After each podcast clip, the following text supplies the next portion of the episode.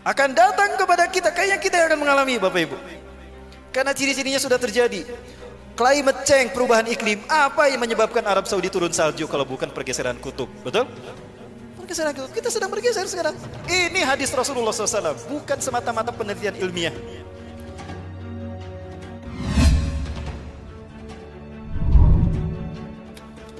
Nah ini Mekah zaman kita sekarang.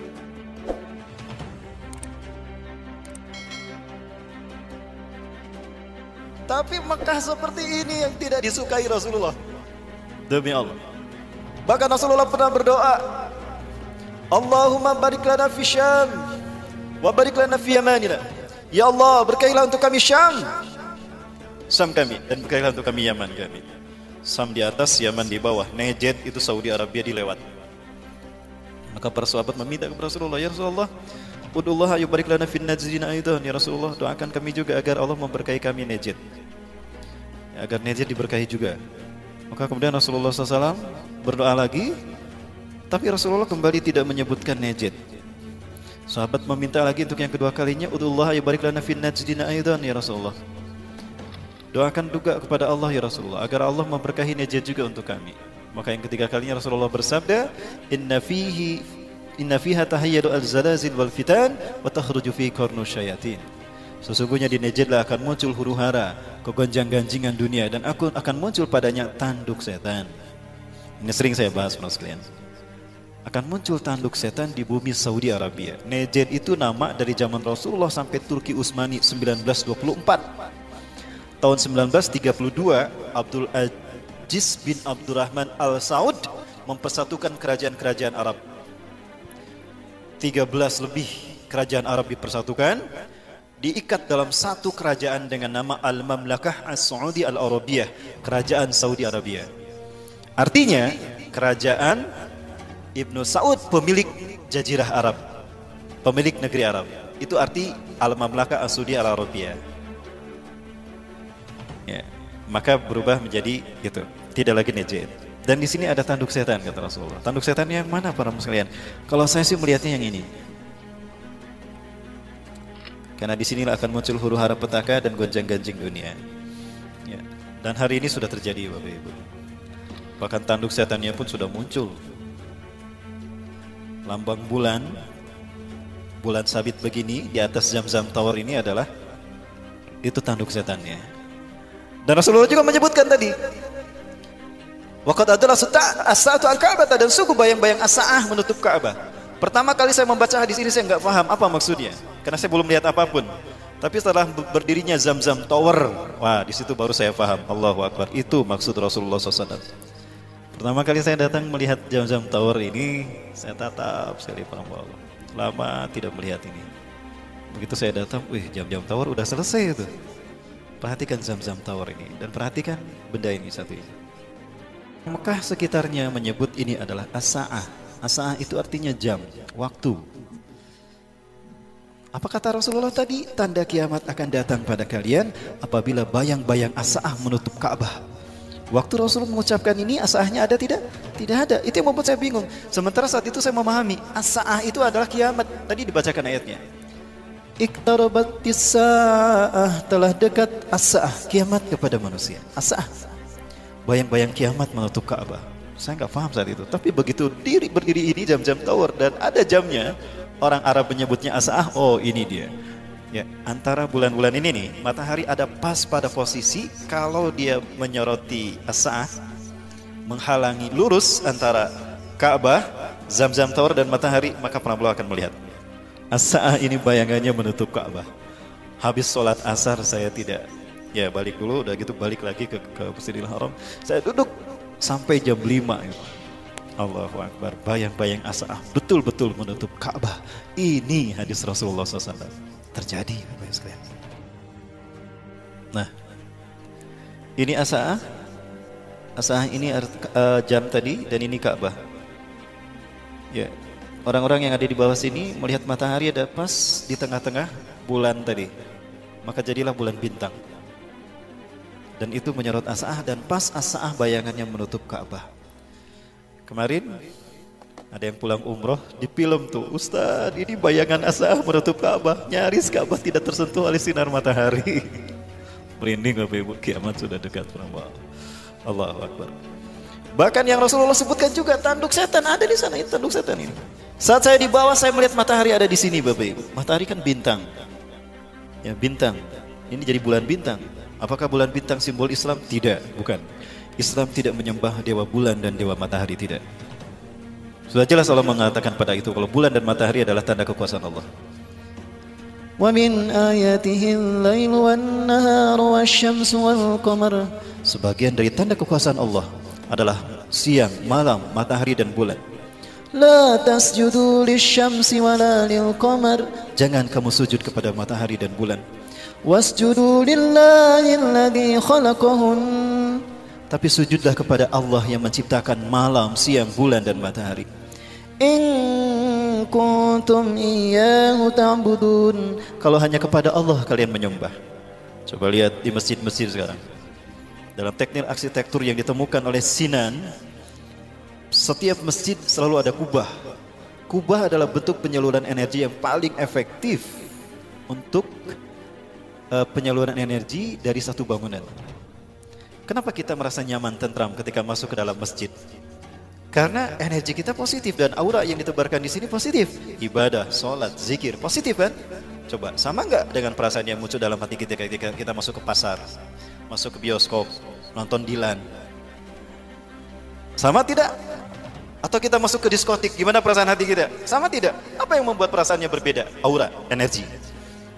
Energi ada di sekitar kita. Kita hidup karena energi kan? Ruh itu sendiri energi. Dan energi tidak bisa dimusnahkan. Yang ada ada perpindahan energi dari satu bentuk energi ke energi yang lain. Itu ya Kang Bayu ya? Hukum termodinamika 3 katanya. Nah, itu yang terjadi. Ya. Baik Bapak Ibu sekalian, ada simbol Freemasonry di Jeddah Engineering Square, Engineering Square. Ya di Jeddah nih. Sementara bangunan-bangunan bersejarah seperti rumah Rasulullah ketika kecil itu di, di, dihancurkan. Alasannya karena bisi dikultuskan jadi syirik. Apa ini bukan simbol kemusyrikan? Satu mata. Ini di Jeddah, di Tugu Pelabuhan Zizan. Arab, Arab Saudi Selatan. Ada Tugu Atom dan Tugu Bola.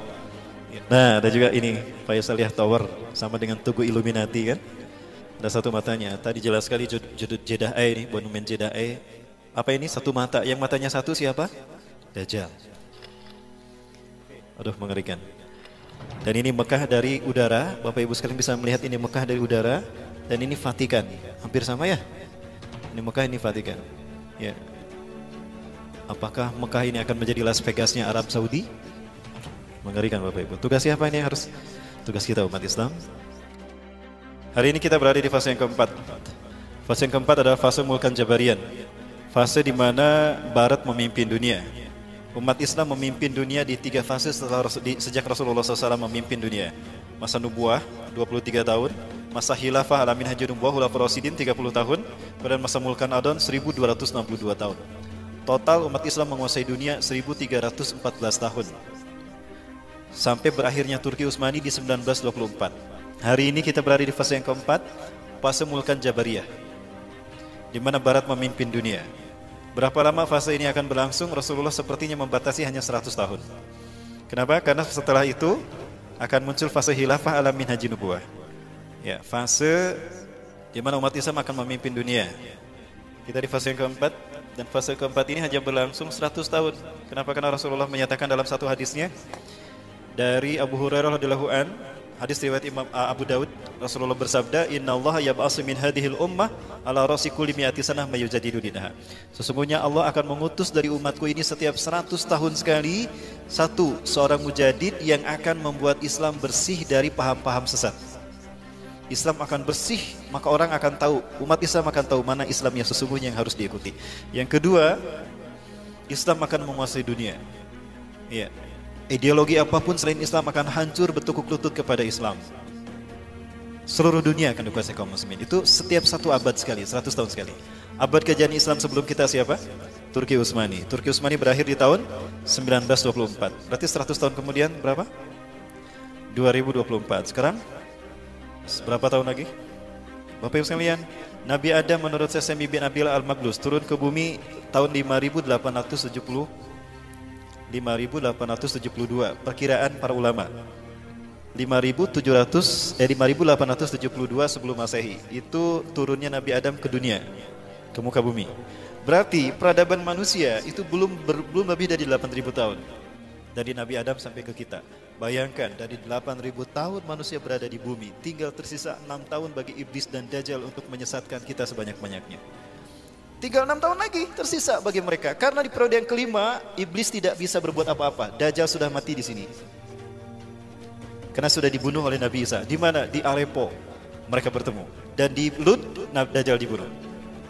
Rasulullah SAW menyebutkan, yang yataqarrabu zaman ayang zilafikum ibnu Maryam telah dekat sungguh telah dekat akan turunnya Isa bin Maryam di tengah-tengah kalian. Rasul berbicara ini 14 abad yang lalu. Di mana beliau akan turun? Ingdal manaratil baida di samping masjid bermenara putih. Masjid bermenara putih itu ada di Damaskus. Damaskus Timur Aleppo. Masjid Umawi. Inilah alasan terpenting secara ideologis kenapa Suriah dihancurkan. Karena Suriah akan menjadi negeri di mana Islam akan bertahan ketika huru hara perang dunia Al-Malhamatul Kubra terjadi. Dan Nabi Isa akan memangatkan umat Islam turun di Masjid Umawi.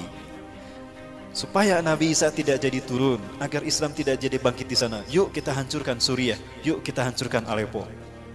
Supaya tidak jadi turun di sana Nabi Isa. Jadi mereka yakin dengan hadis Rasulullah maka Suriah dihancurkan. Tapi walaupun demikian tetap Suriah akan dikuasai kaum muslimin. Tidak lama lagi Bapak Ibu sekalian, enam tahun lagi. Dan Rasulullah menyebutkan ciri-ciri ini akan terjadi. Satu, ya, Rasulullah menyatakan akan ada perebutan kekuasaan di tanah Arab. Yaktatilu salah satu zikum akan berebut kekuasaan, akan berperang tiga orang laki-laki di sisi perbedaan kalian. Ya. Akan ada tiga orang laki-laki berperang di sisi perbedaan kalian. Kulluhum ibnu khalifatin, tiga-tiganya anak raja. Khalifah di sini berarti raja, karena khalifah belum ada sebelum sebelum kita sampai hari ini. Thumma la yasiru ila wahidin minhum. Kekuasaan tidak jatuh kepada salah satu pun dari tiga putra mahkota itu. Thumma tatlu'u ar-rayatus sud. Kemudian akan muncul para pembawa panji hitam. Min kibalil masrik Rasulullah mengarahkan telunjuknya ke Hurosan, Afghanistan. Fayaktulunakum qatlan lam yaktulhu qaumun. Mereka akan memerangi kalian dengan cara yang belum pernah digunakan oleh siapa pun di muka bumi. Artinya cara mereka berperang dahsyat luar biasa.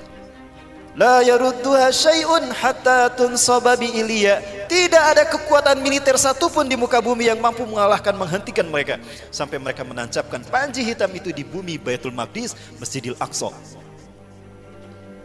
Fa aina ma ra'aitumuh? Jika kalian melihatnya, fa'tu, datangilah. Walau habban ala salji, walaupun harus merangkak di atas salju, fa inna fiha khalifatullah al-mahdi. Di tengah-tengah mereka ada Imam Mahdi. Cirinya perebutan kekuasaan di tanah Arab putra mahkota. Kedua, turun salju. Sudah turun belum salju di tanah Arab? Sudah, para Allah. Allahu Akbar. Ya. Baik Bapak Ibu sekalian, ya, akan ada tiga tahun tersulit dan mana ini akan terjadi membuat Dajjal muncul. Di saat-saat itulah kita akan menyaksikan cuaca yang aneh, situasi yang aneh di muka bumi. Ya akan ada perubahan iklim, perubahan cuaca para Allah. Ya, ini saya sering sampaikan di beberapa majelis taklim. Bapak Ibu sekalian, akan ada benda langit yang datang ke antariksa kita, ke tata surya kita. Benda langit ini diperkirakan menurut antariksawan dari barat bahwa ini lebih besar daripada bumi, jauh lebih besar dari bumi di bawah Jupiter.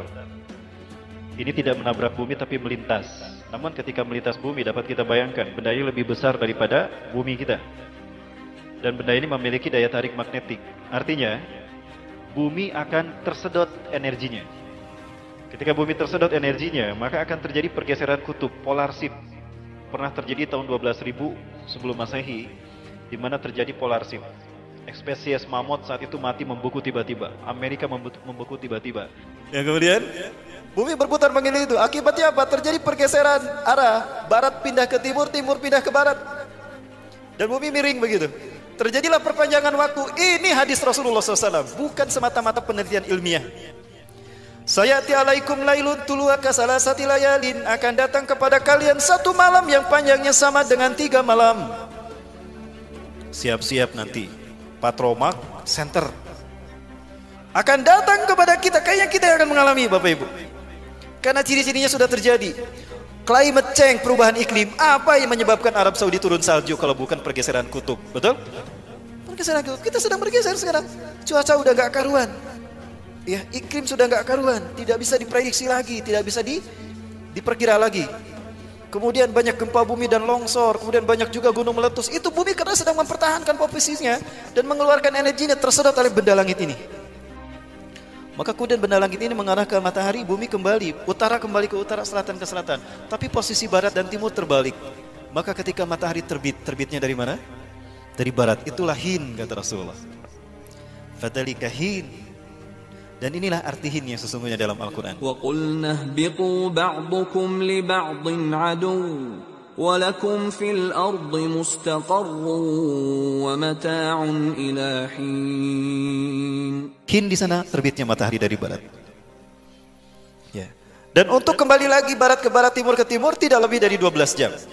Maka besoknya kata Rasulullah akan kembali terbit dari timur.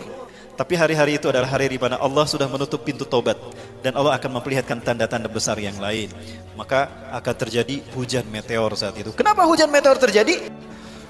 Benda langit ini mendekat ke matahari, terbakar dia, tidak kuat meledak dia, duat meledak. Maka puing-puing serpihan-serpihan yang menghujani bumi menjadi meteor. Rasulullah menyebutkan akan ada hujan meteor. Akibatnya apa? Bumi terbakar oleh meteor ini dan akibatnya terjadilah kabut asap menutup bumi selama 40 hari 40 malam. Tanda kiamat yang kedua, tanda besar kiamat yang kedua. Kemudian akan muncul binatang melata yang akan menyebutkan kepada manusia. Kalau dulu manusia tidak beriman kepada tanda-tanda kekuasaan Allah. Binatang melatanya besar kata Rasulullah. Tubuhnya penuh dengan bulu. Bulu-bulunya halus luar biasa berwarna putih. Jika binatang sudah ini muncul maka Ya'juj Ma'juj akan datang. Siapa Ya'juj Ma'juj? Ciri kalau Ya'juj Ma'juj akan datang, petaka akan menimpa bangsa Arab kata Rasulullah. Rasulullah terbangun dari tidurnya. Zainab binti Jahsin, istri beliau menyaksikannya. Rasulullah bersabda, "Wailun la ilaha illallah, wailun lil arabi min syarrin qad iktaraba." Tidak ada Tuhan selain Allah. Kecelakaan petaka akan menimpa bangsa Arab karena keburukan yang telah mendekat. Futihal yauma min radbin Ya'juj wa Ma'juj mislah hadi. Lubang Ya'juj Ma'juj sudah terbuka sebesar ini. Itu 14 abad yang lalu. Hari ini sudah tidak terbuka lagi. Rasul menyebutkan petakannya akan menimpa bangsa Arab. Siapa bangsa Arab yang dimaksudkan Rasulullah? Palestina bangsa Arab bukan? Suriah, Irak, Afghanistan, Mesir, Tunisia, Libya, Yaman, bangsa Arab bukan? Bagaimana kondisi bangsa-bangsa itu? Siapa yang membantai mereka? Apakah itu Yajus Majus? Itu Yajus Majus KW-nya. Bapak Ibu sekalian, ini akan telah terjadi. Tapi ingat kata Rasulullah akan muncul kebangkitan Islam. Dan akan ada tiga titik yang membuat umat Islam memiliki kemampuan untuk bangkit. Di mana satu ahlu Syam akan muncul dari Suriah dan Palestina pejuang-pejuang tauhid yang tangguh yang tidak akan bisa dikalahkan oleh mereka. Ada kemungkinan kalau dari Palestina ini Izzuddin Al-Qassam, sayap militer Hamas. Dari Suriah ada kemungkinan bangkitnya Al-Qaeda, Al-Qaeda Suriah yang dulu disebut dengan Front Free Syrian Army FSA, Ahrarus Syam, Juyusul Islam, Juyusul Fatat, Jabhah Al-Jabah Al-Nusrah akan bersatu di bawah satu panji Syam. Sekarang panji hitam sudah bergerak, sudah berkibar di jazirah Gaza, maaf, di pantai Gaza, di selat Gaza. Yang kedua, Ashabul Ratisud yang akan bergerak dari Hurosan. Sekarang pun sudah terlihat bagaimana kekuatan-kekuatan mereka. Dan yang ketiga, Taifah Mansurah. Mudah-mudahan itu Indonesia. Amin ya rabbal alamin.